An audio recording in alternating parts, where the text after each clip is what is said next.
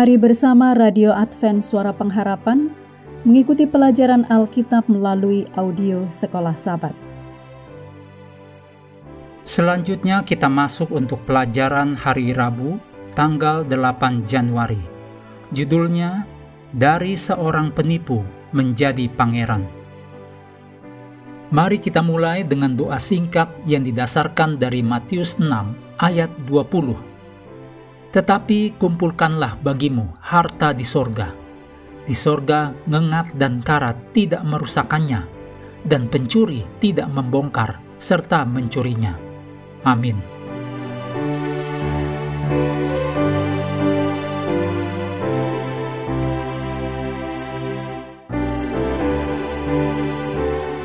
Sebagai orang muda yang mengasihi dan takut akan Allah, Yakub turut berkonspirasi dengan ibunya Ribka untuk menipu ayahnya dan mendapatkan berkatnya.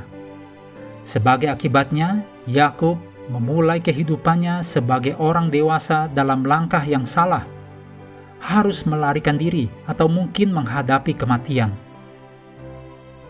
Ribka berkata kepada Yakub, "Larilah kepada Laban, tinggallah padanya beberapa waktu lamanya, sampai kegeraman dan kemarahan kakakmu itu surut daripadamu. Kemudian aku akan menyuruh orang menjemput engkau dari situ. Demikian dicatat dalam kejadian 27 ayat 43 sampai 45. Kenyataannya, Yakub pergi selama 20 tahun dan dia tidak pernah melihat wajah ibunya lagi. Kejadian 32 ayat 22 sampai 31 mencatat tentang Yakub bergumul dengan Tuhan. Peristiwa ini mengandung berbagai pelajaran rohani yang dapat kita ambil tentang kasih karunia Allah, bahkan saat kita membuat keputusan-keputusan yang salah.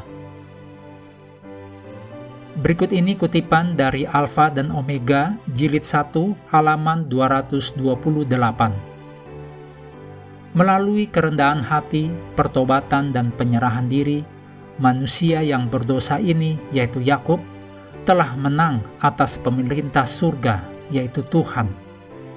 Yakub meneguhkan pegangannya terhadap janji-janji Allah dan hati dari kasih yang tidak terbatas itu, yaitu Kristus, tidak dapat menolak permohonan orang yang berdosa itu kesalahan yang telah menuntun kepada dosa Yakub dalam memperoleh hak kesulungan dengan tipu daya sekarang jelas dinyatakan di hadapannya. Ia tidak berharap kepada janji-janji Allah, tetapi telah mencoba dengan usaha sendiri untuk mewujudkan sesuatu yang akan dilaksanakan Allah di dalam waktu dan caranya.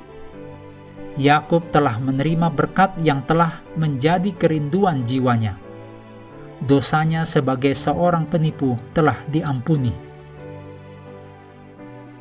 Kejadian 49 ayat 29 sampai 33 berikutnya mencatat mengenai peristiwa kematian dan penguburan Yakub. Meskipun Yakub tidak lagi mempunyai kepemilikan di Kanaan, dia memberikan petunjuk kepada anak-anaknya mengenai penguburannya di Gua Makpela dalam gua itu dikuburkan Abraham dan Sarah, kakek nenek Yakub, Ishak dan Ribka, yaitu orang tua Yakub, dan Lea, istri Yakub. Kitab suci memberitahu kita bahwa tiga para bapa dan istri-istri mereka dikuburkan dalam gua yang sama.